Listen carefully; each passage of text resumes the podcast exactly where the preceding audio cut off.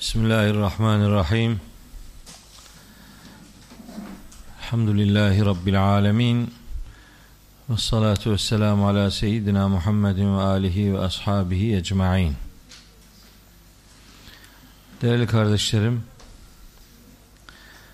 bugün nasip olursa Mümtehine suresinin ikinci grup ayetini okuyacağız. Birinci grup geçen ders okuduğumuz üç ayet idi.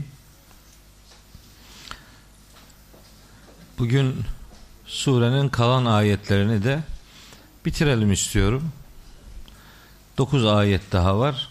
O dokuz ayeti de ilk üç ayeti tekrar hatırlatarak iki ayet arasında, iki ayet grubu arasında bir kopukluk olmamasını temin için önce ilk üç, üç ayeti kısaca size hatırlatayım. Sonra dördüncü ayetten itibaren sözümüzü şekillendirmeye gayret edelim. Derse başlarken önce Cenab-ı Hak bana söyleyeceklerimi doğru söylemeyi nasip etsin.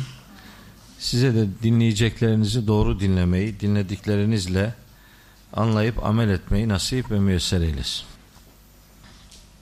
Bugün itibariyle Mümtehine suresinin kalan kısmını sizlere aktarmak arzusundayım. İlk üç ayeti kısaca özetleyeyim. Çünkü dördüncü ayeti anlayabilmek ilk üç ayeti hatırlamayla ancak mümkün.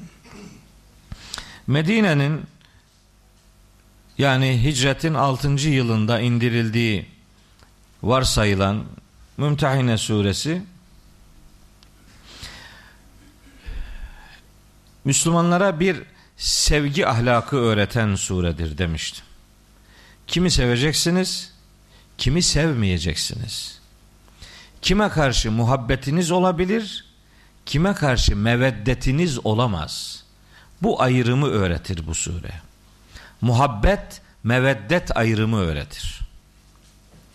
Öyleyse siz sureten yakınlarınızı değil, sireten yoldaşlarınızı yeğlemelisiniz. Bunu öğretir. Sureten biyolojik yakınları değil, sireten yani yaşayış, değer ve ahlak olarak sizin yoldaşlarınızı öncelemeniz gerektiğini öğretir. Mümtehine suresinin öğrettiği temel ilke budur. Onun için Rabbimiz buyurur ki ilk ayette Ey müminler benim de sizin de düşmanınız olan adamlara dostluk payesi vermeyin. Onlara yüreğinizden bir meveddet akıtmayın. Öyle ki onlar size Allah'ın gönderdiği hakkı inkar ediyorlar. Sizi ve peygamberi sırf Allah'a iman ediyorsunuz diye yerinizden yurdunuzdan çıkarttılar. Öyleyse bu adamlar sizin biyolojik yakınlarınız olsa bile onlara yüreğinizden bir meveddet gizlemeyin. Kaldı ki böyle bir şey yaparsanız onu ben bilirim diyor Allahu Teala. Bu sevdiğiniz adamlar sizi ellerine bir geçirseler veya bir karşılaşmada size bir galibiyet, üstünlük sağlasalar sizin size olan düşmanlıklarını devam ettirirler elleriyle, dilleriyle size saldırganlığa hiç ara vermezler ve hala daha sizin kafir olmanızı isterler. O sizin çok sevdiğiniz yakınlarınız sizin kafir olmanızı isterler. Ve veddu lev tekfurune. Kafir olasınız diye canı gönülden bir sevgileri vardır bunların. Düşmanlıkları bitmiyor, devam ediyor diyor Allahu Teala. Ve unutmayın kan yakınlarınız da kendi çocuklarınız da mahşer sabahı size hiçbir fayda vermeyecektir eğer aynı inanca sahip değilseniz. Len tenfa'akum erhamukum ve la evladukum yevmel kıyameti yafsilu beynekum. Ne rahimden yakınlarınız ne de çocuklarınız kıyamet sabahı size asla menfaat, fayda sağlamayacaktır. Allah mahşer sabahı aranızı ayıracaktır. Yafsılü beyneküm. aranızı ayıracak. Yani kan bağı neticede orada bir iş görmeyecektir. Benim öteden beri söylediğim bir söz vardır. Derim ki kardeşlik, annelik, babalık, akrabalık, hısımlık bunlar eğer biyolojik ilişkiden ibaretse ölene kadar sürer. Ama kardeşliğin asıl mühim olanı mahşere dahası cennete uzananıdır. Yani siz cennette kiminle birlikte olacaksanız onunla kardeşliğinizin anlamı vardır. Burada biyolojik olarak kardeşliğiniz ne kadar bağınız olursa olsun eğer bu bağ dini değerlere inanç ailesinden olmaya dönüşmemişse neticede o ölümle bitecektir. Oysa asıl kalıcı olan mahşere ve elbette cennete uzanandır. Şimdi öyle diyor Rabbimiz. Kıyamet günü bu yakınlıklar ve baba çocuk ilişkisi size fayda vermeyecek. Kıyamet sabahı Allah aranızda hükmü açıkça ortaya koyacaktır. Ve neticede neler yapıyorsanız Allah onu hakkıyla görmekte ve bilmektedir. Şimdi tam da Medine'deki bir grup Müslümanın bu anlamda sıkıntı içinde olduğunu, arızalı bir duruş ortaya koyduğunu anlıyoruz. Hatip bin Ebi Belta'a e, adındaki şahsiyetin işte Mekke'ye bir gizli mektup gönderdiği o mektubun haberini alınca peygamberimiz o mektubu geri aldırdığı ve Hatip bin Ebi Belta'nın katlini isteyen Müslümanlara karşı başta Hazreti Ömer olmak üzere Hazreti Peygamber Hatib'i dinlemeyi yeğlemiş ve onun da ya Resulallah ben dinden dönmedim sana karşı değilim. Ama ben Kureşli de değilim Kureyş'e yanaşmayım. Onlara sığındım. Benim orada eşim var kardeşlerim var çocuklarım var. Buraya hicret eden muhacirlerin hepsinin orada yakınlarını bakacak onlarla ilgilenecek adamları var. Ama benim hiç kimsem yok ben buradan oraya böyle şeyler yaparak güya Kureyş ileri gelenlerinin çocuklarıma, aileme zarar vermemesini temin için böyle şeyler yapıyorum. Yoksa senin tebliğ ettiğin dinden vazgeçmiş değilim. Mürtet değilim ben. Ki bu zat Bedir'e kar, karış e, katılmış, Uhud'da da bulunmuş. Söylemiştim geçen ders.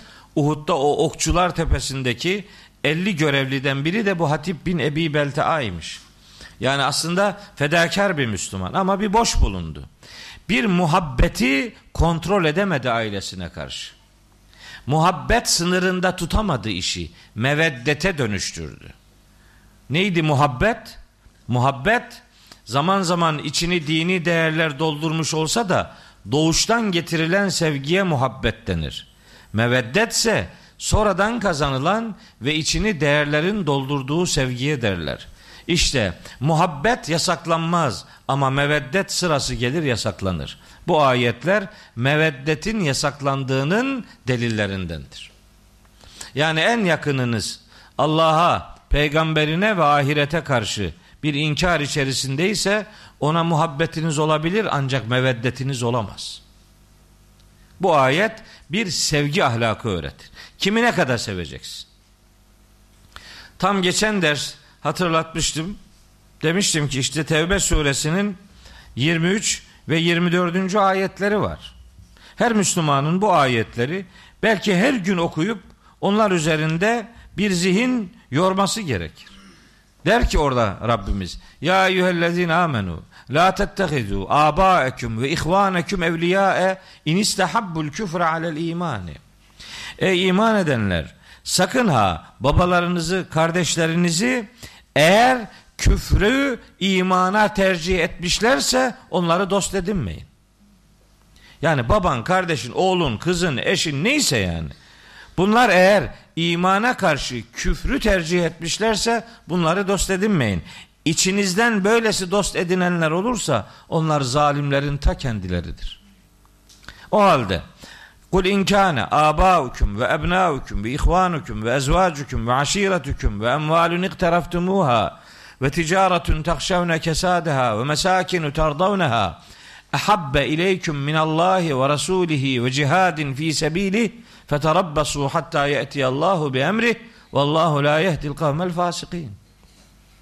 De ki babalarınız, çocuklarınız, kardeşleriniz, eşleriniz, yakınlarınız, kazandığınız mallar, yokup yok olup gitmesinden korktuğunuz ticaret eşyası ve içinde huzurlu huzurlu durduğunuz meskenler nokta nokta yani. Arsalar, evler, arabalar, dolarlar, eurolar, makamlar, mevkiler hepsi burada var yani. Bu nokta nokta demek. Her ne ki siz onun herhangi birini veya tamamını Allah'tan, Resulünden ve onun yani Allah'ın yolunda cihad etmekten, fedakarlık yapmaktan daha çok seviyorsanız Allah'ın azabını getirmesini bekleyin diyor. Yani sevginizin kontrolü olacak. Sevgi tutkuya dönüşürse adamı kör eder. Tutkulu bir sevgi doğru bir sevgi değildir. Adamı yoldan çıkartabilir. Yani mesela Hristiyanlar Hazreti İsa'ya niye Allah'ın oğlu dediler? Onu sevmedikleri için mi? Aksine çok sevdikleri için ama sevgiyi ayarlayamadıkları için insanı, Resulü mabut edindiler ve müşrik oldular. İnsan sevmediğini abartmaz. Öyleyse sevginin bir şirazesi var onu iyi ayarlamak lazım. Hele ki seveceğiniz insanda inanç açısından bir takım farklılıklarınız varsa taraflardan biri Müslim bir diğeri gayrimüslim ise muhabbetiniz olabilir meveddetiniz olamaz. Kasas suresinin 56. ayeti var. Kasas 56. Orada der ki Rabbimiz Hazreti Peygamber'e hitaben İnneke la tehdi men ahbebte velakinnallaha yehdi men yeşâ'u Sen senin sevdiğine hidayet edemezsin. Ancak Allah isteyene hidayet eder. Sen seviyorsun diye hidayet üzere olmaz adam. O ayetin Hazreti Peygamber'in amcasıyla alakalı indirildiği bilinir. Hazreti Peygamber'in amcasıyla alakalı, Ebu Talip ile alakalı indirildiği bilinir. E neydi peygamberimiz amcası vefat ederken veya işte onun biraz öncesinde onun mümin olması için çok arzu duyuyordu. Fakat amcasının böyle bir talebi yoktu. En azından dışarıya yansımış böyle bir talebi yoktu. Ben öyle inanıyorum ki Hazreti Peygamber'e bu kadar hamilik yapmış amcası belki zahiren başkaları onu müşrik olarak görüyor olsa da inşallah yüreğinden mümin idi. Öyle iman ediyor. Öyle dua ediyorum yani. O büyük katkı inşallah öbür aleme ödül olarak transfer olacaktır. Bu da mümin olmakla mümkündür. Ama ayetin zahirinin söylediği şu. Sen kafir olarak seviyorsun. Amcam bu senin. Bak amcayı sevebilir bir adam. Ama amcanın kafir olduğu kesin ise ona muhabbet devam edebilir ama meveddet olmaz. Meveddet yüreğini paylaşabileceğin, her değerini kendisiyle ortaklaşa inşa edebileceğin sevginin adıdır. Bunun için meveddet kontrollü sevgidir. Nerede başlayacağı ve nereye devam edeceği önceden belirlenen bir sevgidir. İşte bu itibarla Cenab-ı Hak Hazreti Peygamber özelinde ama Medineli Müslümanlara bir prototip, bir örneklik olsun diye bakın birilerini hatırlatıyor. İşte dördüncü ayet öyle başlıyor. Buyuruyor ki Rabbimiz قَدْ كَانَتْ لَكُمْ usvetun hasenetun fi İbrahim'e vellezine ma'hu. Sizin için İbrahim'de ve onunla beraber olanlarda en güzel örneklik vardır. Biz bu örneklik noktasında Hazreti Peygamber'in bizim için örnek olduğunu biliyoruz. Nereden? Biz bunu Ahzab suresi 21. ayetten biliyoruz. لَقَدْ كَانَ لَكُمْ ف۪ي رَسُولِ اللّٰهِ اُسْوَةٌ حَسَنَةٌ لِمَنْ كَانَ يَرْجُ اللّٰهَ وَالْيَوْمَ الْآخِرِ وَذَكَرَ اللّٰهَ كَثِيرًا Ahzab 21. Peygamberimiz bizim için rol model, üsve-i hasene, en güzel örnek. Ama burada peygamberimizin örnekliğinden söz etmiyor Allahu Teala. Başka bir örnek üzerinden e, meseleyi anlatıyor ki bu örneklikte Hazreti İbrahim ve onunla birlikte olanlar. Şimdi bakın. işi detaylandırmadan ayeti okumak istiyorum. Ayet zaten çok açık. Hiç tefsir etmeye gerek yok. Mealini anla, söylemek istediğin ortaya çıkar. Gayet net yani. Mümtehine suresi dördüncü ayet okuyoruz. İbrahim'de ve onunla beraber olanlarda sizin için çok güzel bir örneklik vardır. Neymiş bakalım? Ne yapmışlar? Ne olmuş yani? İz hani kalu li kavmihim İbrahim ve onunla birlikte iman etmiş olanlar müşrik putperest kavmine şöyle demişlerdi. Ne demişlerdi? İnna bura'u minkum ve mimma ta'budun min dunillah. Biz sizden de Allah'ın peşi sıra tapındığınız varlıklardan da uzağız. Yok. Biz sizin gibi inanamayız. Siz o putlara değer veriyorsunuz diye biz de onlara değer veremeyiz. Kusura bakmayın. Sizinle ilişkimiz devam edecek ama sizin imansızlığınızdan da tapındığınız putlardan da uzağız biz. Kusura bakma. Kara kaşın, kara gözün hatırına sen seviyorsun diye falanca putu ben de onu sevemem. Senin imansızlığından da tapındığın varlıklardan da biz uzağız. Bak bunu her Müslümanın diyebiliyor olması lazım. Evinde diyeceksin bunu. Günahtan uzağım diyeceksin. Bu günahı baban işliyorsa da diyeceksin. Oğlun işliyorsa da diyeceksin. Kardeşin işliyorsa da diyeceksin. Hele bu günah haşa Allah korusun inanç problemini oluşturacak bir boyuttaysa burada zerre tereddüdün olmayacak. Biz sizden ve Allah'ın peşi sıra tapındığınız ne varsa hepsinden uzağız. Bir, bakın tam bizim örnekliğimiz işte. Aa, şimdi biz sevgi adına nelere kıymet verdiğimizi herkes kendisi bilir.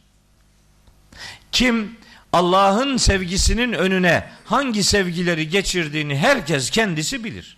Biz buradan liste sunacak halimiz yok. Bilirsin yani. Neyin uğruna fedakarlık yapıyorsun? O fedakarlıkta Allah, peygamberi ve Allah yolunda mücadele etmek birinci sırada mı, bilmem onuncu sırada mı, yüzüncü sırada mı bunu herkes bilir. Ama sevginin ahlakı Allah rızasını öncelemeyi gerektirir. Devam ediyor Hazreti İbrahim ve beraberindeki yiğit müminler. Keferna biküm biz sizin bu inancınızı kabul etmiyoruz.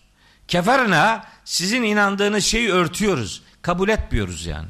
Keferna biküm. Sizinle alakalı biz örtüdeyiz. Sizin imanınız, sapkın inancınız bizi ilgilendirmiyor. Biz onu kabul edemeyiz. Sizi ve inancınızı kabul etmiyoruz. Kaldı ki ve beda beynena ve beynekumul adavetu vel bagda'u ebeden sizinle bizim aramızda düşmanlık ve öfke meydana geliyor. Siz bizi sevmiyorsunuz, biz de sizi sevmiyoruz. Sizin ahlakınızı sevmiyoruz. Sizin putperestliğinizi sevmiyoruz. Sizin şirkinizi sevmiyoruz. Bizde bir artık inancınıza karşı düşmanlık var. Adama karşı düşmanlık değil. Ahlaka karşı düşmanlık var. Adama düşmanlık adamı ebediyen kaybetmeyi getirir.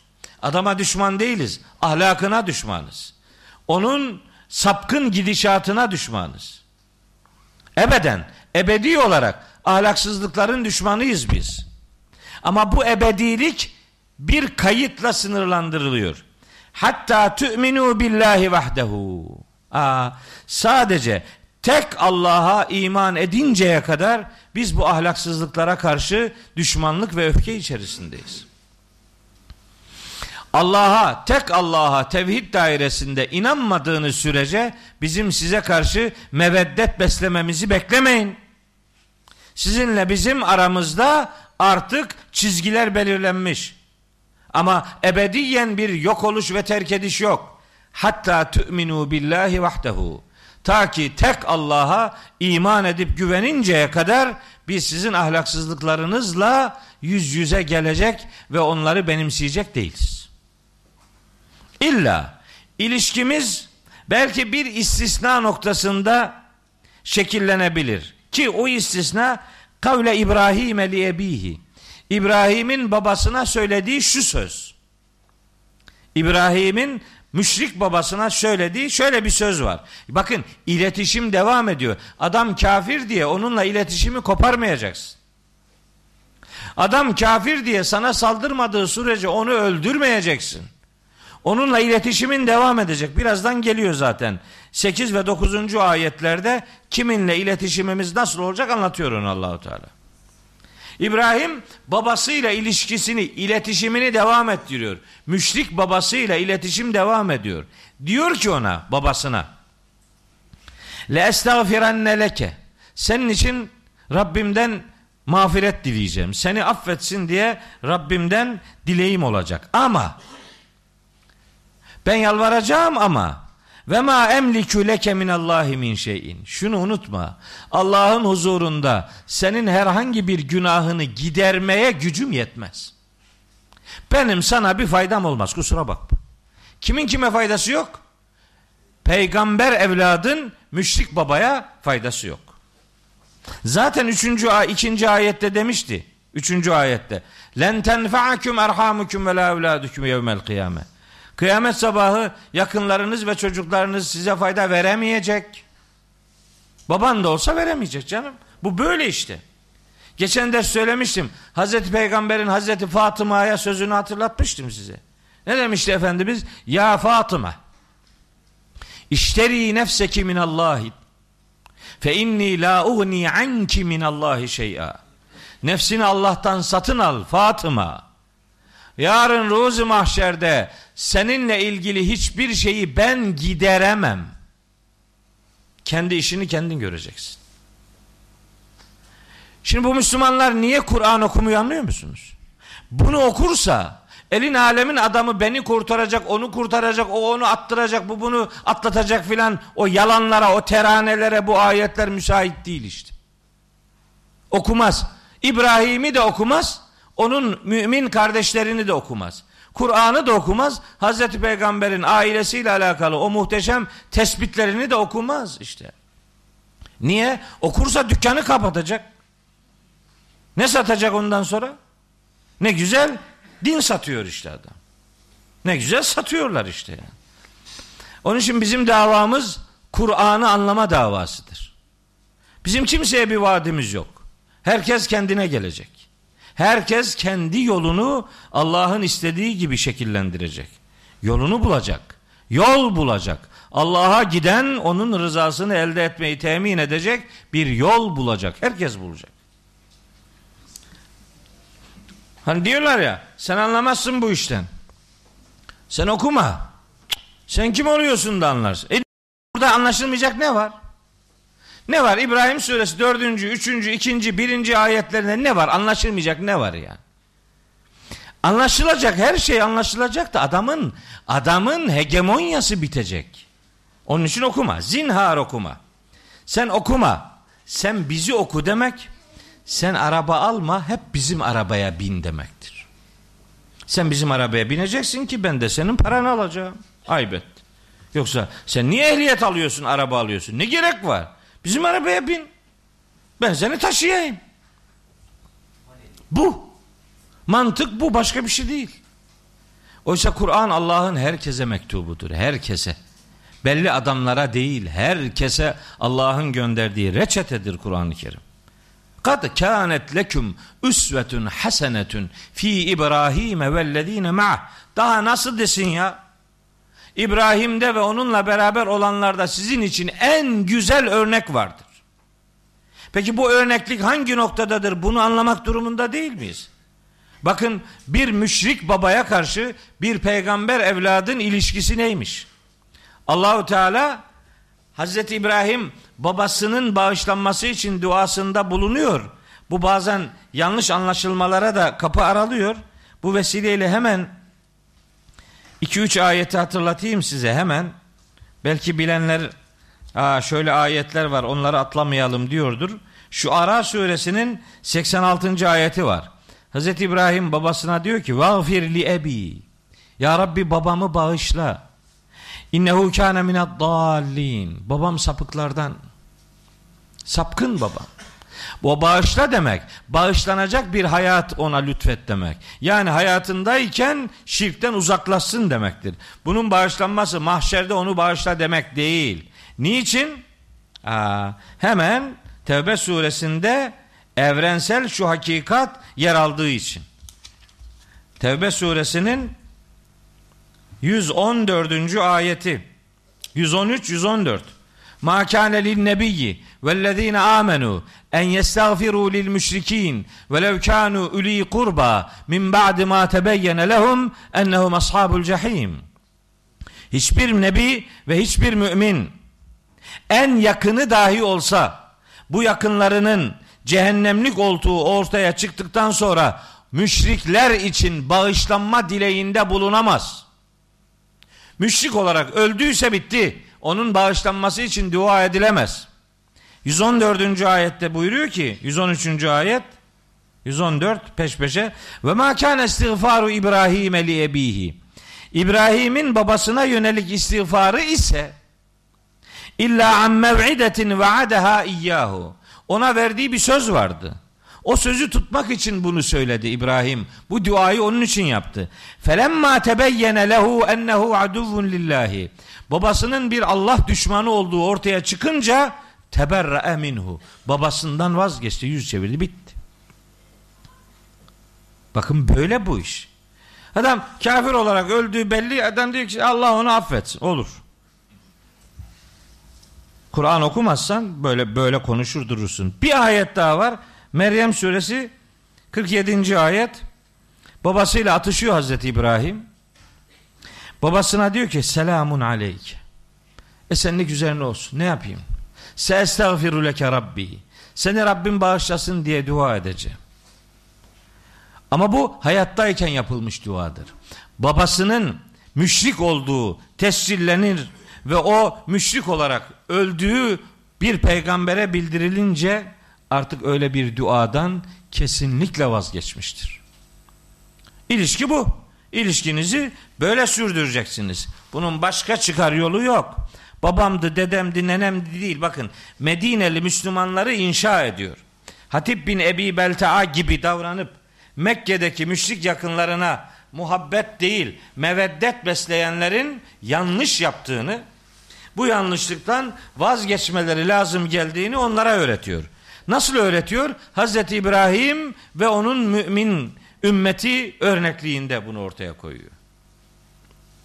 Bakın burada başka bir peygamberin örnekliğini değil Hazreti İbrahim'inkini yeğliyor. Niye? Tam da Medine'de yaşanan olaya uygun olan örnek bu olduğu için. Bu. Ve sonra o müminler Hazreti İbrahim ve beraberindeki müminler kendi duruşlarını ortaya koyma bakımından şöyle dua etmişlerdir. Ben her namazımda bu duayı okurum. Her namazımda okurum. Hatta geçen gün bizim delikanlı Ahmet baba sen niye sürekli o duayı okuyorsun dedi. Dedim Allah öyle istiyor ona inandığım için dedi. Biz de okuyalım dedi oku dedi. Sana bir ambargo yok tabii ki yok. Şu duanın güzelliğine bakın. Rabbena ey Rabbimiz aleyke tevekkelna. Ya Rabbi sadece sana güveniyoruz. Bu ne demek biliyor musun? Hatip bin Ebi Belta'a gibilere diyor ki mektuba güvenerek müşriklerin merhametini bekleme. Yanlış yere güvenme. Güvenilecek yer Allah'tır. Aleyke tevekkelna. Sadece sana güvendik. Ve ileyke enebna. Sadece sana yöneldik. Ve ileykel masiru. Çünkü dönüş sadece sanadır. Rabbena ey Rabbimiz la tec'alna fitneten lillezine keferu. Ya Rabbi bizi kafirler için bir fitne eyleme. Yani onların küfre gömülmesine bizi gerekçe kılma. Veya onlar için kafirler için bizi oyun eğlence haline getirme. Veya Ya Rabbi bizi kafirlerin eline düşürme. Veya Ya Rabbi bizi onlar için kötülük teşvikçisi kılma. Ya Rabbi bizi onlar veya onları bizim sebebimizle fitne kılıp saptırma. Bu la tecalna fitneten lillezine keferu ifadesinin beş tane manası var. Hangisini alırsanız alın. Dua tam da yüreğimize hitap ediyor. La tecalna fitneten lillezine keferu. Ya Rabbi bizi kafirler için bir deneme yapma. Ya Rabbi bizi onlar ve onları bizimle imtihan eyleme. Ya Rabbi bizi onların eline düşürme. Ya Rabbi bizi onların oyuncağı eyleme. Ya Rabbi bizim duruşumuzu onların daha da kafir olması için vesile eyleme. Yani bizden dolayı onlar daha sapmasın. Biz onların sapmasını da istemiyoruz ya Rabbi. Ne onlar bizi saptırsın ne biz onları daha çok işte fitneleyelim de onlar daha da sapkın olsun. Böyle bir arzumuz yok. Vagfir lena Rabbena. Ya Rabbi bizi bağışla. İnneke entel azizül hakim. Üstün olan sadece sensin. Verdiği her kararda hikmetler barındıran yegane kudret sensin. Tam da namazda okunacak ayetler. Tam. İşte tabi namazda tebbet yede Ebi Leheb'in okuyorsun da ne oluyor? Ebu Leheb'in iki eli kurusun. Kendisi de kurusun. Kurudu. Sana ne? Sana ne? Sen şeytanı taşlamakla cennete gidemezsin. Tavaf yapacaksın. Öyle gidersin mine habire şeytan taşlarsın. O seni kurtarmaz. Tavaf yapacaksın. Arafat'a çıkacaksın. Müzdelife'de olacaksın. Safa Merve arasında sa'i yapacaksın. Yani düşmanı düşman bilmek adamı kurtarmaz. Şeytana düşmanlık yapmak adamı kurtarmaz. Allah'a kul olmak adamı kurtarır. Yasin de öyle demiyor mu? Elem ahed ileyküm ya beni Adem en la ta'budu şeytan. Sakın ha şeytana kulluk yapmayın. İnnehu leküm aduvun mübin. Sizin için o apaçık bir düşmandır ve eni'buduni. Bana kulluk yapacaksınız. Şeytana düşmanlık yapmak ya da şeytana kulluk yapmamak adamı kurtarmaz. Allah'a kulluk yapacaksın. Yani bunu spor diliyle söyleyeyim. Yani gol yemiş olmanız ile yetinmeyin. O kaybınızdır. Ama gol yemediniz. Maç en çok berabere biter. Kazanmanızı sağlamaz. Gol atmanız lazım. Gol atmadan maç kazanılmaz. Hükmen galibiyet yok yani. Dolayısıyla yani gol yememiş olmak yetmez. Kazanacaksan gol atacaksın. Şeytana lanet etmek yetmez. Allah'a kul olacaksın. İşte bunların bize öğrettiği harikulade prensipler aşağı yukarı bunlardır. 4 ve 5. ayetler. Namazlarınızda bunları okuyun. Bir tane daha söylemişim size Haşir suresi 10. ayet. Bir de onu okuyun. Eh tam da namazda okunacak zammi suredir yani. Ve siz bakmayın namazın sureleri elemtereden aşağıdır filan. Tabi olur. Namazın sureleri Kur'an'ın bütün sureleridir. Elemtereden aşağıya filan değil. Evet şimdi geliyorum harika bir başka ayete. Lekad kâne leküm. Bakın devam ediyor Allahu Teala. Bir daha uyarıyor. Bir daha uyarıyor. Lekad kâne leküm fihim. Sizin için onlarda var. Onlar dedi Hazreti İbrahim ve beraberindeki müminler. Onlarda sizin için var. Ne var? Üsvetün hasenetün. En güzel örneklik onlarda. Aile ilişkilerinde, yakınlar ilişkilerinde nasıl bir sevgi sahibi olmak durumunda olduğumuzu bu ayetler Hazreti İbrahim ve onun ümmeti örnekliğinde bize hatırlatılıyor. Çünkü bu çok büyük bir problem. Adamın oğlunun hatırına Allah'ı darıltabiliyor. Babasının hatırına Allah'ın gazabını gerektirecek bir iş yapabiliyor. Babanla muhabbetin olsun ama bunu meveddete dönüştürmeyeceksin. Sınırını bileceksin. Biz bunu Hazreti Lokman'ın oğluyla ilgili konuşmalarından biliyoruz. Ne diyordu Hazreti Lokman oğluna? Ve iz kâle Lukmanu libnihi ve huve ya'izuhu ya buneyye la tüşrik billah. Oğluna nasihat ederek dermişti ki yavrum sakın ha Allah'a ortak koşma, koşma. Çünkü şirk çok büyük bir haksızlıktır. Peki ana babayla ilişkiler noktasında ne yapacağız? İnsane bi valideyhi. Biz insanoğluna anasına babasına iyilik yapmasını emrettik. Vehnen ala vehnin ve fisaluhu fi ameyni en işkürli ve livalideyk ileyyel masiru. İşte anne seni şu şu sıkıntılar içerisinde büyüttü. Ee, onlara sakın ha sıkıntı verme. Onlara iyilik yap. Bana da ana babana da şükranın zayi olmasın. Ama ve in cahedake ala en tüşrike bi ma leyse leke bihi ilmun. Hakkında bir şey bilmediğin şeyleri bana ortak koşman noktasında seni zorlarlarsa cahede hep cihad etmek manasına gelmek. Bu ayette zorlamak manasına gelir. Seni eğer bilmediğin bir şeyi bana ortak koşmanla ilgili zorlarlarsa fela tuti'huma. Onlara o konuda itaat etmeyeceksin. Bak ana babayla ilişkiyi düzenleyen, sevgiyi, ahlakı düzenleyen prensipler bize peygamber kıssalarıyla öğretiliyor. Ama bu kıssaları Kur'an'dan öğrenmek yerine elin alemin ağzından ne idüğü belirsiz menkıbelerden öğrenmeye gayret edersen bu güzelim evrensel prensipler buharlaşıp gider. Kimse de bunlardan haberdar olmaz.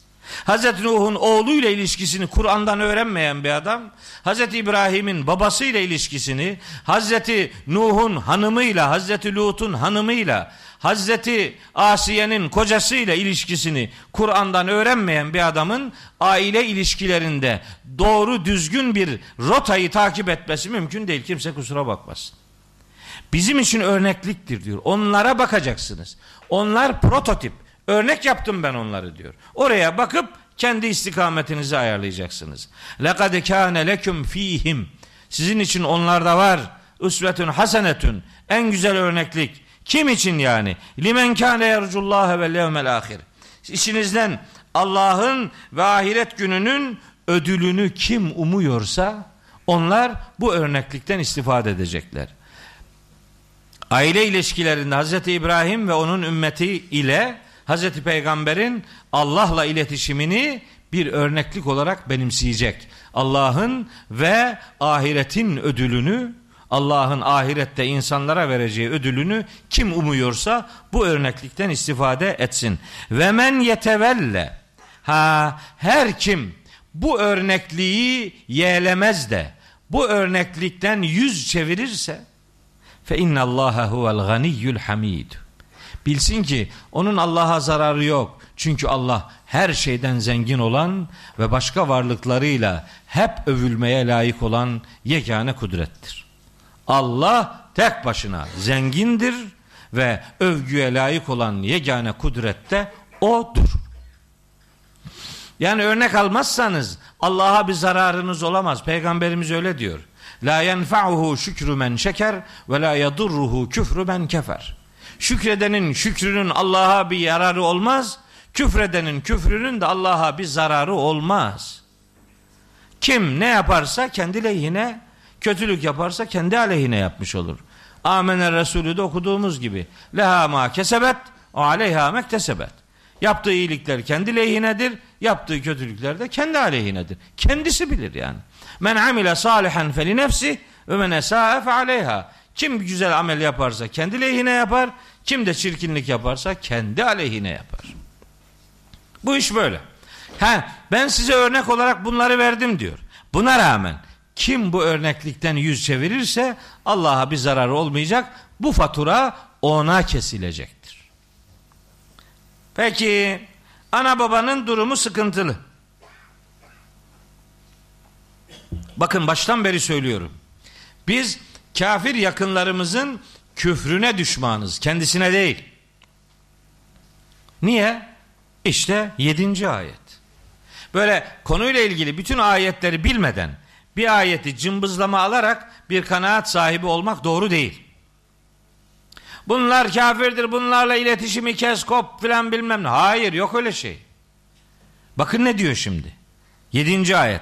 Asallahu en yec'ale beyneküm ve beynellezine adeytum minhum meveddeten. Kim bilir? Kim bilir? Belki de Allah sizinle kendileri arasında düşmanlık bulunanların yüreğinize bir meveddet koyabilir. Nasıl koyacak? Siz ilişkinizi kesmişseniz, Siz artık görüşmüyorsanız, siz artık her gördüğünüz yerde hakaret ediyor ya da onları görmemek üzere terk edip gidiyorsanız onları nasıl seveceksiniz? Bu ayet nasıl tahakkuk edecek? Siz adamdan değil ahlakından uzaklaşacaksınız. Adamla ilişki devam edecek. Siz adama muhabbet bile duyabilirsiniz ve fakat meveddetiniz olmayacak. İyi ayarlayacaksın ilişkiyi. Ne dedi ayet? Kim bilir? Sizinle arasında düşmanlık bulunanların yüreğine, kalbine, beynine Allah bir meveddet koyabilir. Hele ki size Kur'an'da bir ölçü söyleyeyim. Kur'an'da asa fiili asa edatı var. Fiildir, edattır. Asa umulur ki demektir. Asa umulur ki. Fahrettin Razi diyor ki Allah ona rahmet eylesin. Fahrettin Razi diyor ki asa umulur ki manası veriyor ama bu asa fiili eğer Allah'a nispet ediliyorsa bu ummak değil kesinlik manası verir. Çok acayip bir tespit. Yani umulur ki Allah düşmanlarınızla sizin aranıza bir sevgi yaratabilir demek yaratacaktır. İlişkinizi ona göre şekillendir. Kestirip atmayın. Ne dedik? Onlarca yüzlerce defa. Bizim literatürümüzde cihat adam öldürmek değil. Bizim literatürümüzde cihat adamı kazanmaktır. Bizim cihadımız düşman peydahlamak değil. Düşmanlarlık, düşmanlıkları eritip dostluk kazanma mücadelesidir. İşte bu ayet onun delilidir. Belki sırf bundan dolayı Allah ayetin sonuna doğru bir sıfatını hatırlatıyor. Buyuruyor ki Vallahu kadirun. Allah kadirdir. Allah'ın her şeye gücü yeter. Kim tahmin edebilirdi peygamberimizi dövmeye gelen Ömer İbnül Hattab'ın İslam'ın en yiğit kahramanı olacağını? Kim tahmin edebilirdi Uhud'da müminleri hallaç pamuğu gibi savuran Halid bin Velid'in İslam'ın en muhteşem komutanı olacağını? Kim tahmin edebilirdi? Hiç kimse tahmin edemezdi. Ama allamul uyub olan Allah ölçüyü koyuyor. Düşmanlığınızın da sınırı olsun. Ve bu ayeti tefsir eden harikalar ötesi bir hadis var. Bu ayetle sürekli onu ilişkilendirir ve anlatırım. Hazreti Peygamber buyuruyor ki Ahbib habibeke hevnen ma asa en yekune bagidake yevmen ma ve abgid bagidake hevnen ma asa en yekune habibeke yevmen ma işte ne hani amiyane tabir olacak ama adam işte yani. Bu böyle olur ya. İşte Kur'an'dan süzülen sözler böyle olur böyle. Her tarafı hikmet dökülüyor be. Her tarafı hikmet. Ne diyor o hadisinde peygamberimiz? Şiirimsi hadisinde sevdiğini ölçülü sev. Gün gelir onu sevmemen gerekebilir. Sevmediğine karşı ölçülü davran. Gün gelir onu sevmen gerekebilir. Ah be. Yani hani derler ya kurban olduğum ağzın sözüne bakın ya. Nasıl da Kur'an'ı özetlemiş be. Nasıl da süzülmüş ondan hikmet pınarları hale hale nasıl dökülmüş o mübarek ağızdan. Bu ayeti bundan daha güzel kim tefsir edebilir be? Ahbib habibeke ma asa en yekune bagidake yevmen ma ve abgid bagidake hevnen ma asa en yekune habibeke yevmen ma harikalar ötesi bir söz. İmkan olsa da evin her duvarını assan her yere assam bunu. Hiç ziyan olmaz. Hiç de mesajı tükenmez. Her yeni gün o mesaja herkes muhtaçtır çünkü. Biz sildik mi adamı siliyoruz. Çizdik üzerini. Ha çizmiyor Allahu Teala üzerini ya. Bak diyor ki bak düşmanınla arana sevgi koyabilirim. Çizme üzerini. Biz çiziyoruz. Çizdik gitti. Attık gitti. E at. Allah atma diyor. Bir adamın üzerini çizmek Allah'ın bir şaheserini silmektir. İnsanoğlu Allah'ın şaheseridir. Onu silemeyiz. Biz adama değil ahlakına düşman oluruz. Çünkü adam bizim muhatabımız olmaya devam edecek. Biz o adamı kazanmak için çalışacağız. Adamı öldürünce kimi kazanacaksın kardeşim?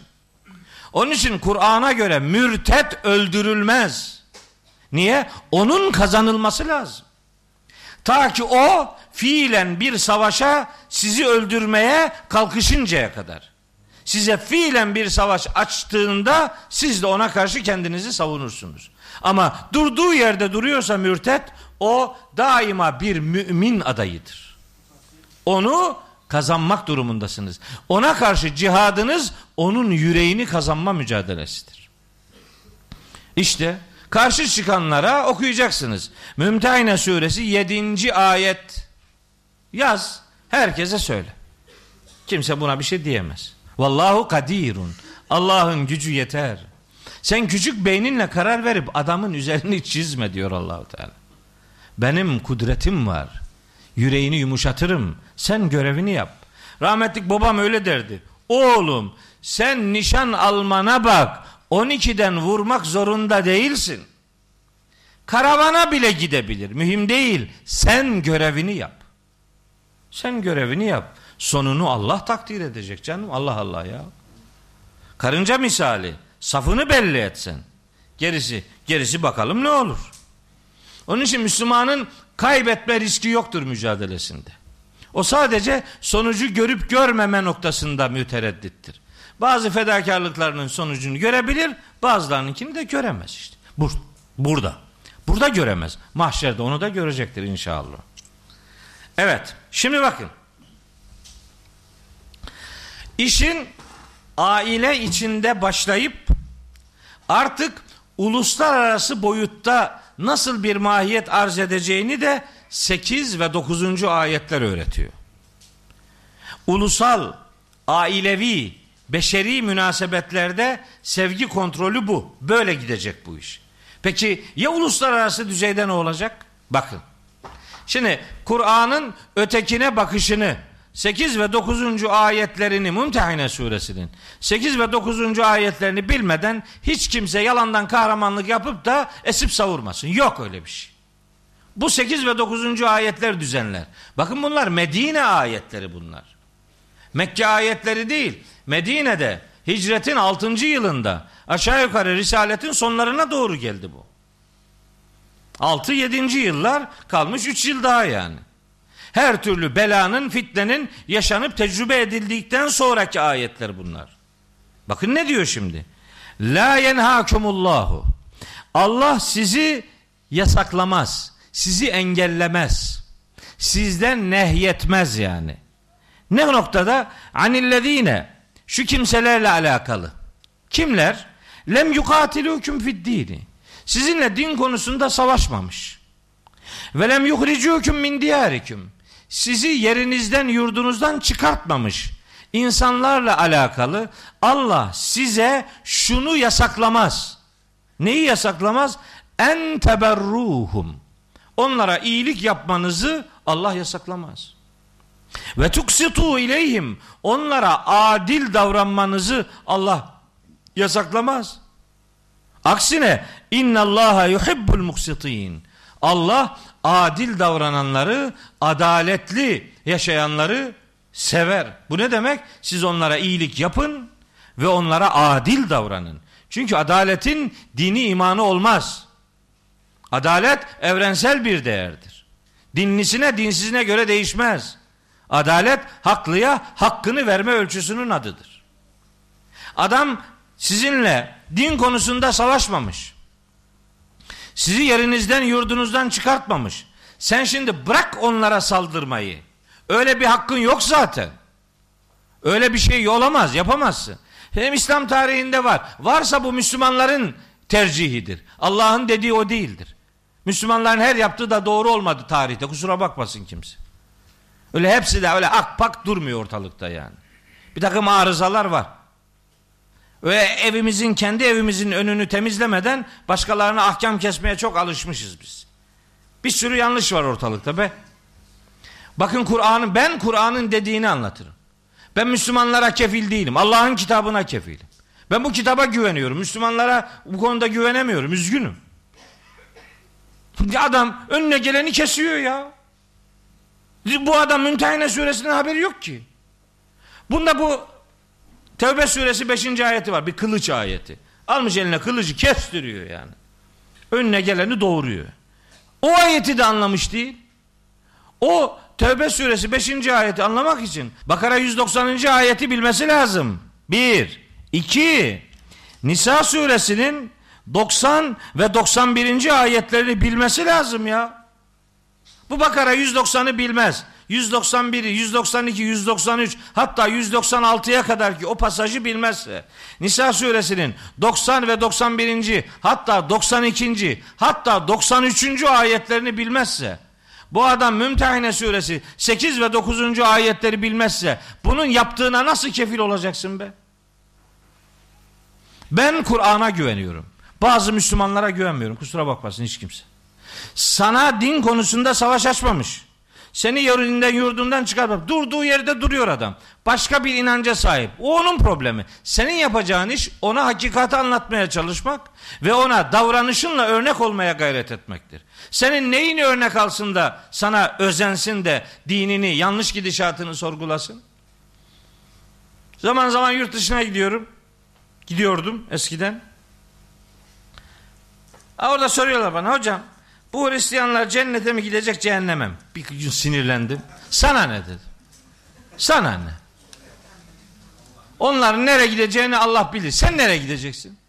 Senin neyine bakarak adam dinini sorgulasın? Allah aşkına ya. Hırsızlık sende, kumar sende, içki sende, zina sende, fuhuş sende, üçkağıtçılık sende, dolandırıcılık sende, dedikodu sende, yalan sende, gıybet sende. Ne olmuş şimdi? Bu adamlar nereye gidecek? Sana ne? Sen nereye gideceksin? Senin neyine gıpta etsin de adam lan bak ne güzel adam bunlar. Bunları böyle güzelleştiren nedir sorusunu nasıl soracak? Senin duruşunla soracak. Senin duruşun perperişan. Batı'da Müslüman olanların bir bölümünün itirafı var. İyi ki Müslümanları tanımadan Kur'an'ı tanımışım diyor adam. Kur'an'ı tanımadan Müslümanları tanısaydım ben hayatta Müslüman olmazdım diyor. Onun için biz Kur'an'a kefiliz. Yani Hazreti Peygamber'e kefiliz. Onun sünnetine kefiliz. Müslümanların bir takım arızalarına hiç kefil değiliz. Ben değilim yani. Şimdi dokuz. Savaşmamış ve yerinden yurdundan çıkartmamış ise bunlara karşı iyilik yapmamız ve onlara adil davranmamız yasak değil. Aksine iyilik yapmak ve adil davranmak durumundayız. Çünkü Allah adil davrananları sever öyle bitiyor. İnna Allaha yuhibbul muksitin yani adil davrananları sever demek siz adil davranın demektir. Çünkü onlarla cihadınız onları kazanmaya endeksli olacak canım kaybetmeye değil. Bir kişiyi daha kazanma mücadelesidir cihad. Peki tersi olursa ne olacak? Bakın ne olacak? İnnemâ yenhâkumullahu. Ancak ve ancak Allah sizi şu noktada yasaklıyor. Allah'ın yasağı şu noktada. Kiminle alakalı? Anillezine katelûküm fid dini. Sizinle din konusunda savaşmış. Size savaş açmış yani. Ve ahrecûküm min diyariküm. Sizi yerinizden yurt çıkartmış. Medineli Müslümanlara Mekkeli müşriklerle alakalı. Hani örnek vereceksek bunu söyleyebiliriz. Din konusunda savaşmış ve Müslümanları Mekke'de yerinden yurdundan çıkartmış. Dahası münafıklar ve Yahudiler gibi ve zaharu ala ihracikum. Sadece sizi yerinizden yurdunuzdan çıkartanlar değil, onlarla işbirliği yapan, onlara yardım edenler var ya. Heh, bunlarla ilgili Allah sizi şu noktada yasaklıyor. Hangi noktada? En tevellevhum. Onları dost edinmeyeceksiniz. Ondan dost olur mu zaten? Olmaz. Ve men yetevellehum.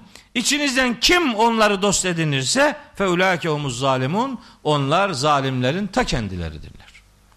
İşte ölçü bu. Adam mesela ne diyor o Bakara 190. ayette? Ve katilu fi sebilillahi. Allah yolunda savaşın. Kiminle? Ellezine yukatiluneküm. Sizinle savaşmakta olanlarla. Savaş açmış adam yani.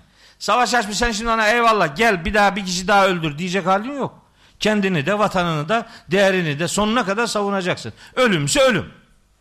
Savaş esnasında hiç kimse savaşı Yani karşı tarafa şirin görünmek için hadi ben bak kibar adamım gel beni seni öldür. Sen beni öldür filan. Öyle kimse demez. Hiç kimse kusura bakmaz. O ayetin sonunda diyor ki bak ve katilu fi sebilillahi ellezine yukatilunekum ve la ta'tedu. Sakın ha siz saldırmayın. Saldırgan taraf olmayın. İlk siz saldırmayın. Adam mesela durduğu yerde dur. Sen şimdi savaş açın o yana doğru gidiyorsun. Ordudaki düşman askeri öldüreceksin. Onun evindeki anasını öldürmeyeceksin yani. Sokağındaki çocuğunu değil, mabedini değil, ağacını tahrip etmeyeceksin canım. Aşırıya gitmeyeceksin. Seninle kim savaşıyorsa onunla mücadele edeceksin. Madem tehlike oradan geliyor ben orayı yakarım. Olur mu? Belki onlardakilerden yarın birileri Müslüman olacak. O adam belki gidiyor ama oğlu gelecek. Nitekim öyle gelenlerin haddi hesabı yok. Sizin yapacağınız iş onları yani sizinle din konusunda savaşmış. Sizi yerinizden yurdunuzdan çıkartmış ve sizin çıkartılmanıza düşmana yardım etmiş. Bunları dost tutmayın. Bakın gene aynı surenin başından beri yakın akraba ile ilişkisini düzenleyen bu mantık düşmanla ilişkiyi de düzenleyen bir ayete sahne oluyor. Onları dost tutmayın. Kim onları dost tutarsa, işbirlikçilik yaparsa onlar zalimlerin ta kendileridirler. İşte Mümtehine suresinin bu dokuz ayeti bir sevgi ve bir davranış ahlakı öğreten harikulade ayetlerdir. Bu dokuz ayet bu. Şimdi mürtedle alakalı bir ayet okuyayım mı size? Ayete rağmen ikna olmayana diyecek bir şeyim yok. Ya eyyühellezine amenu men yertedde minküm an dinihi. Ey iman edenler sizden kim dininden dönerse fesevfe ye'tillahu bi kavmin yuhibbuhum ve yuhibbunehu. Allah onlardan sonra bir kavim getirir. Onlar Allah'ı sever, Allah da onları sever. Onları öldürün demez. Ya onu öldürün olur mu arkadaş ya? Öldürdün, kaybettin adamı. Kime bu dini tebliğ edeceksin? Böyle bir şey olabilir mi? Müslümanlar güçlü olduğunda almış kılıcı eline önüne geleni kesmiş işte. Onun için diyorum ben Müslümanlara kefil değilim. Ben Kur'an'a kefilim. O diyorum öyle bir kural var. Hiç beni ilgilendirmiyor. O kural doğru değil. Peygamberimizin kastettiği bir rivayet var. Men beddele dinehu faktuluhu. Dinini değiştireni öldürün. O o ifade o dinini değiştiren adam size karşı mukatele içindeyse yani o size savaş açmışsa siz de kendinizi savunursunuz. Adamın öldürülmesinin sebebi dinden dönmesi değil, savaş açmasıdır. Savaş açana da herhalde iyi yaptın, güzel yaptın demez hiç kimse yani. Adam diyor, bunun katli vaciptir. Olur. Bana göre de seninki vacip. Ne olacak şimdi? Dünyada altı buçuk milyar Müslüman olmayan var. Onlara göre senin katlin vacip. Niye bağırıyorsun o zaman? Böyle mantık olabilir mi? Böyle evrensel bir din olabilir mi? Böyle bir evrensel prensip olabilir mi ya? Bunlar Kur'an'dan beslenen algılar değil. Bunlar tamamen şımarıklığın ortaya koyduğu algılardır. Biraz güçlü olunca kestiriyor işte. Ya böyle bir şey olur mu? Adamı öldürmek demek ona karşı yükümlülüğünü bitirmek demektir. Ne yapacaksın? Gitti adam. Kimi kazanacaksın? Sen her önüne geleni öldür bakayım kaç kişi Müslüman olacak. Senden korktuğu için Müslüman görünebilir ama onun adına Müslüman demezler. O halis buhlis münafık olur. Bu ayet bu kardeşim yani. Adam isteyen kabul eder, istemeyen etmez. Katli vaciptir. Öyle yazıyor adam. O bu adamların katli vaciptir sıra veriyor. Liste veriyor. Onun katli vacip bunu. Sen sen cellat mısın ya? Ya senin katlin vacipse ne olacak? Sen Allah'ın askeri misin? Sen kim oluyorsun da böyle bir yetkiyi kendinde görüyorsun? Bana bu ayetlerden bir tane delil göster. Ayetten başı hoş değil beyimin. O ayet okumaz. Bak dokuz ayet okudum Mümtehine suresinden. Böyle bir algısı var mı bu surenin? Çıkartacak mıyız biz bu sureyi Kur'an'dan? Bunun için Kur'an okumaz bu zihniyet. Okumaz. Bu ayetler onun yüreğine inmez yetkisi olsun önüne geleni kesmezse namerdir. Cellat ruhlu adamlar. Bunların cihadı adam katletmeye endekslidir. Adam kazanmaya değil. O cennete bir kişi daha girsin sevdasında değil. Onun derdi cehennemi doldurmaktır. O arada kendisi cennete sıvışacak. Göreceğiz. Bu kitaptan öyle bir beleş cennet yolu yok. O cennetin sahibi bu kitabın da sahibidir. Sen başka birinin sözünü yapıyorsan onun cennetine gidersin. Varsa öyle bir cennet gidersin. Kur'an'ın inşa ettiği akıl budur arkadaş. Hoşuna gitmeyecek adamlar çıkabilir. Gitmese gitmez. Kur'an'ın dediği bu. Beni Kur'an noktasına biri ikna edebilecekse çıksın ikna etsin. Desin bana ki sen o ayeti bilmiyorsun veya bu ayeti yanlış anladın. Hiç de yanlış anlamadım. Bu konuyla ilgili en az 100 tane ayet bir çırpıda okurum ben. Kur'an'ın inşa ettiği akıl adam kazanmaya endeksidir. Adam kaybetmeye değil kardeş. Bizim cihadımız adam kazaltma ve adam çoğaltma mücadelesidir. Adam eksiltmek değil. Ta ki biri sana fiili savaş açana kadar. Fiili savaş açana kadar sen de onunla savaşırsın canım. Onun başka bir izahına gerek yok ki. Bakara 190. ayet orada bangır bangır bağırıyor. İslamofobi de biz malzeme veriyoruz. Yani biz ha, onların kabahati yok mu? Onlar zaten namert. Onların neler yaptığını bilmiyor muyuz biz? Haçlı seferlerini benim dedem mi düzenledi? Ama onların elindeki kitapta bizim kitapçı gibi bilgiler yok ki. Onlar neye itibar ettiklerini kararlaştırarak değil, dünyada hegemonya oluşturmak için ses benim sesimdir, başka ses istemiyorum. Psikolojisinin efendim ürünüdür onların yaptığı. O yanlış. Ama anlı yanlışı sen yapınca Allah sana aferin mi diyecek yani. Öbürü yaptığında yanlış, sen yaptığında bir şey yok. Yok öyle bir şey. Kitabullah'ın öğretisi böyle kardeşim. Tekrar ediyorum. Ben bu noktada Müslümanlara güvenmiyorum. Ben Kur'an'a ve Hazreti Peygamber'e güveniyorum. Onların uygulamasında beni ters düşürecek hiçbir ifade ve hiçbir pratik yoktur. Bugünkü yöneticilere kalsa o Hatip bin Ebi Belta'yı yakalasalar ne yaparlardı? Keserler dedi. Katli vacip. Katletti mi? Katletti mi? Etmedi. Sen kimi örnek alıyorsun peki?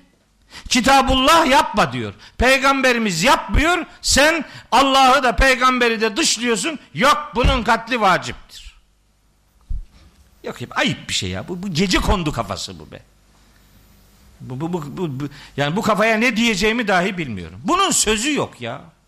Bu zihniyetin adamları var ya biliyor musun? Beş tane ayeti peş peşe sıralayıp okuyamaz yani. Çünkü o Kur'an'dan beslenmiyor. Onun beslendiği başka kaynaklar var. Şiddeti kendine ilke edinmiş. Ona göre şehit ölümle alakalı bir kavramdır. Bizse şehidi hayatla alakalı bir kavram olarak görürüz. Bize göre şehit hayatına Allah'ı, Allah'a hayatını şahit tutandır. Ve şehit hayatta yaşamayla alakalı bir kavramdır. Ölümle alakalı değil. Onun için Kur'an'da hiçbir ayette şehit kavramı ölümle ilişkilendirilmez. Kur'an'daki şehit kavramı ölümle alakalı değildir. Aksine hayatla alakalıdır. Tam aksine. Ama onlar şehit kavramını da Kur'an'ın ne dediğini merak etmezler. Çünkü onlar Kur'an okumaz kardeşim. Onun için o zihniyete göre biz Kur'an Müslümanı sapıklarıyız. Bunun için. Ama Kur'an'a göre de sapıklığın daniskası onların yaptığıdır. Çünkü biz yolunu Kur'an'la bulmaya çalışan adamlar. Onlarsa yolu Kur'an'a hiç açılmayan adamlardır. Slogan atıp duruyor kendine göre. Bir tane delil yok. Bir tane ayet yok. Kafasına göre esip savuruyor. Savuruyor. Onların da alıcıları var. Onlar da onun peşine gitsinler işte. Şimdi bu surenin geri kalan dört tane ayeti var. Bunları mealen söyleyip geçiyorum. Sureye adını veren olay şimdi okuyacağımız ayette. Mümtehine veya Mümtehane suresi bu. İmtihan edilen kadın veya mümtehine imtihan etmek yani manasına geliyor. İmtihan kurumu. Ayet şu. Ya eyyühellezine amenu. Ey iman edenler. İzâ câekubul müminâtu muhaciratin. Mümin kadınlar size hicret edip gelirlerse. Şimdi biliyorsunuz Hudeybiye Barış Antlaşması'nda bir madde vardı. Eğer Mekke'den Medine'ye iman edip kaçanlar olursa geri gönderilecekler. Ama Medine'den Mekke'ye gidenler geri istenmeyecek. Böyle bir madde vardı. Çok aleyhte bir madde ama peygamberimiz kabul etmiş. Niye? Çünkü vahiy ile müeyyet peygamber. Allah ona kabul et dedi ve etti işte. Sonra ne oldu? Sonra iş değişti. Vallahu ya'lemu ve entum la ta'lemun. Siz bilmiyorsunuz, Allah biliyor. Asa en tekrehu şeyen ve ve hayrun leküm ve asa en tuhibbu şeyen ve ve şerrun leküm. Ola ki sizin iyi bildiğiniz, sevdiğiniz şeyler kötü olabilir. Sevmediğiniz, kötü gördüğünüz şeyler hayır olabilir. Siz bilmezsiniz, Allah bilir. O anlaşma gereği Peygamberimiz diyor ki bu e, şey bekarlarla alakalıdır diyor. Evlilerle alakalı değil. Evlilerle alakalı bunu uygulamıyor peygamberimiz. Şimdi bu ayet onu düzenliyor çünkü. Diyor ki idaca bu ayet gelmiş daha önce. İdaca hükümül müminat. Mümin kadınlar size geliyor. Mü, muhaciratın hicret etmiş olarak geliyorlar. Femtehinuhunne. Siz onları imtihan edin. Çünkü ayet burada varken peygamberimiz ayete aykırı bir anlaşma imzalamaz. Orada bekarların gidiş gelişiyle alakalı bir düzenleme var. Bu kadınları imtihan edin. Allahu alemu bi imanihinne. Neticede onların iman noktasını en iyi Allah bilir. Onları imtihan edin ne demek biliyor musunuz? İbn Abbas diyor ki kadınlar eğer böyle dünyalık, gezmek, e, başka bir eşle evlenmek, şu bu gibi beklentilerle değil, Allah'ı, peygamberi ve ahireti ummak için hicret eden kadınlar geri döndürülmezler diyor. Öyle yaptı peygamberimiz. Fe in halimtumuhunne müminatin. Eğer o hicret eden kadınların mümin olduklarını görür anlarsanız yani bir imtihan edin bakalım niye geliyor bunlar. Eğer o imtihanda bunların mümin olduğunu anlarsanız felâ terci'ûhunne ilel küffâr. Onları kafirlere gerisin geri göndermeyin. Bu ayete rağmen peygamberimiz evli kadınları da geri gönderme anlaşması imzalamış olamaz. Hayır. Bu ayet evlilerle alakalı özel düzenleme getiriyor. Buna rağmen peygamberimiz bir anlaşma yaptıysa belli ki bu bu ayetin içermediği kısımla alakalıdır ki o da bekarlardır. La hunne hillul yani onları kafirlere geri göndermeyin. La hunne hillul lehum ve la hum yahillune lehunne. Ne bu kadınlar Mekke'deki müşriklere helaldir ne de o adamlar bu kadınlara uygundur, layıktır. Göndermeyin bunları gerisin geri. Eğer evli kadınlar gelip hicret etmişlerse ve Allah'ı, peygamberi, ahireti sevdiği için hicret etmişlerse bunları geri çevirmeyin. Ve atuhum ma enfeku. O müşrik kocalarına da bunlara mehir olarak ne vermişlerse onları onlara verin. Şimdi adam bir hanımla evlenmek için mehir veriyor. O hanım da kaçıp gidiyor. Ne olacak adamın verdiği mehir? O mehri onlara geri verin diyor. Mehri onlara verin. Ve la cunaha aleyküm en tenkihuhunne izâ ateytumuhunne ucurahun.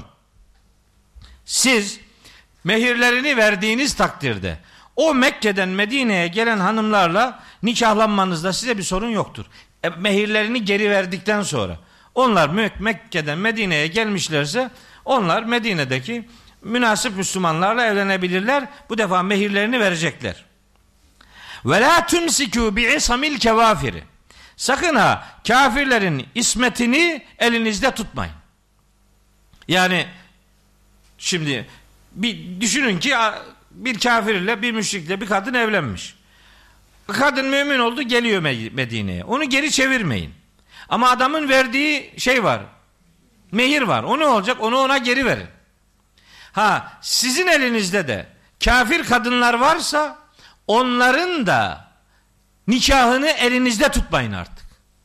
Hazreti Ömer'in bu anlamda iki tane müşrik hanımı olduğu rivayet ediliyor. Bu ayet gelince Hazreti Ömer ikisini de boşuyor. Ama bu ayet gelinceye kadar böyle bir boşama gerçekleşmiyor, yaşıyor. Hatta işte Kureybe ve Ümmü Gülsüm diye, Ümmü Cervel diye iki kadınmış. Bunlar Medine'den Mekke'ye gönderilince biri Ebu Süfyan ile biri de Safvan bin Ümeyye ile evlendiği rivayet ediliyor. İşte rivayet. Bu ayetler böyle geldiğine göre demek ki pratikleri var. Karşılığı var yani. Benzer şeyler olmuş. Siz de kafirlerin ismetlerini elinizde tutmayın. Gönderin yani. Boşayın.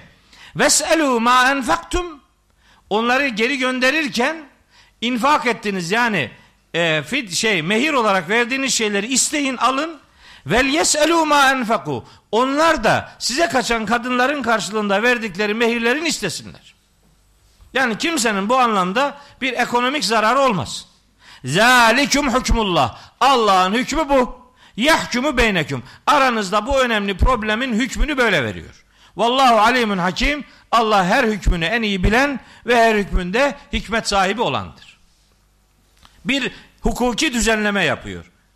Ama ayetin belirlediği esasları rencide edecek hiçbir pratiğe de izin vermiyor. Ve bu defa konunun başka bir boyutuna dikkat çekiyor. Buyuruyor ki ve infateküm şeyün minel küf min ezvaciküm ilel küffari. Eğer eşlerinizden biri sizden kafirler tarafına kaçarsa feakaptum siz de mücadelenizde onlara galip gelirseniz yani işte mücadele ettiniz karşıtlarınızla onun karşılığını alacak bir e, galibiyet elde ettiniz. O halde featullezine zehebet ezvacuhum eşleri gidenlere mehirlerini verin. Adamın eşi kaçtı gitti. Şimdi kimden alacak belli değil. Savaş ettiniz, ganimet elde ettiniz. O ganimetlerden bir bölümünü eşi kafirler tarafına giden müminlere verin. Mislema enfeku. Kendileri ne kadar vermişlerse hanımlarına mehir olarak siz de onu onlara ödeyin. Ne zaman? Bir savaş ganimeti elde ederseniz. Önce bunlara verin yani. Çünkü adam bir ekonomik zararın içerisinde boşu boşuna sıkıntı çekmesin. Vettekullahellezi entüm bihi müminun. İman etmekte olduğunuz Allah'a karşı duyarlı olun, sorumluluklarınızı yerine getirin. En ince detayına kadar hukuki düzenlemeler yapıyor. Medine surelerinin böyle mantıki ve konu içerikleri vardır. Yani ekmek elden su gölden böyle geldi böyle gitsin öyle bir mantık yok.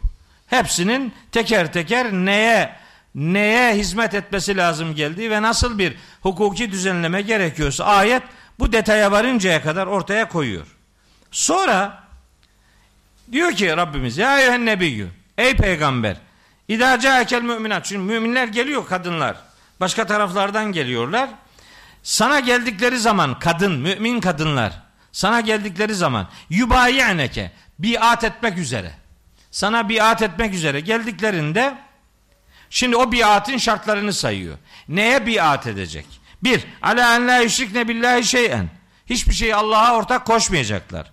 Ve la yesrikne, hırsızlık yapmayacaklar. Ve la yeznine, zina yapmayacaklar. Ve la yaktulne evladehunne, çocuklarını öldürmeyecekler. Ve la ye'tine bi buhtanin yefterinehu beyne edihinne ve erculihinne. Elleri ve ayakları arasında iftira etmeyecekler. Yani bir başkasının çocuğunu mevcut evli kocasına nispet etmeyecek yani. Çocuk başkasınınsa kiminse onun olduğunu söyleyecek yani. Çünkü böyle tam bir hukuki düzenleme yok. Kadının çocuğu var. Geldi evleniyor biriyle. O çocuk kimdendir? Böyle bir muğlak ortam olmaz. Bir, şirk koşmayacaklar. İki, hırsızlık yapmayacaklar. Üç, zina etmeyecekler. Dört, çocuklarını öldürmeyecekler. Beş, başkasının çocuğunu mevcut eşine iftira etmeyecek.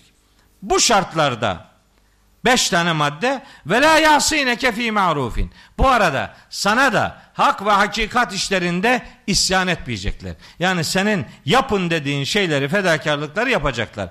İşte bu altı maddeye evet derlerse febayi'hunne sen de onların biatını kabul et. Ve estağfir lehunnallah Allah için şey onlar için Allah'tan bağışlanma dileğinde bulun ki innallaha gafurur rahim. Allah çok bağışlayan ve çok merhamet edendir. Bu neyi gösterir? Müslüman hanımların bir toplumda söz sahibi olabilmesi noktasındaki e, önün önlerine konan işte şartlar. Bu şartlar neticede erkekler için de söz konusudur ama mesele burada hanımların hicretinden söz eden bir bağlamda geldiği için kalıplar hanım kalıbı üzerinden şekilleniyor. Kadınların söz söyleme. Hani iyi işlerde peygambere isyan etmemek.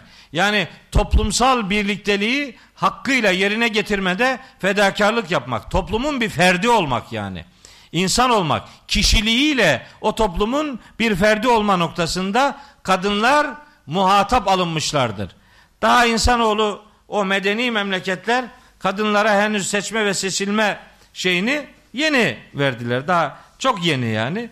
Kur'an-ı Kerim'in o noktada kimsenin yüzünü yere baktıracak bir prensibi yoktur yani. Daha Medine'nin 6. yılında böyle bir prensiple kadınların sosyal hayattaki etkinliğinin kapısı aralanmıştır ki o toplumda kadının adının olmadığını herkes unutmasın. Hiç kimse unutmasın yani. Öyle bir toplumda kadınla alakalı özel düzenlemeler geliyor ve bu düzenlemelerde biat esasları yerine getiriliyorsa kadın toplumun bir ferdi olarak her her her fedakarlıkta yer alabilecek bir düzeyde muhatap olarak kabul ediliyor. Edilmiş zaten. Geçen birkaç ders önce söylemiştik. Mücadele suresinin ilk ayetlerinin neler söylediğini burada bir iki ders boyunca anlatmıştık. Kur'an'ın kadınla alakalı bizi yüzümüzü yere baktıracak hiçbir prensibi yoktur. Kur'an'ı doğru anlamak isteyenler için bu böyledir. Ve surenin son ayeti. En başından beri gelen konuyu özetler mahiyette. Buyuruyor ki Ya eyyühellezine amenu Ey iman edenler La tetevellev kavmen Sakın ha şöyle bir topluluğu dost edinmeyin. Hangi topluluk? Gadıballahu aleyhim. Allah'ın kendilerine gazap ettiği bir topluluğu sakın ha dost edinmeyin. Çünkü gadiye isu minel ahireti.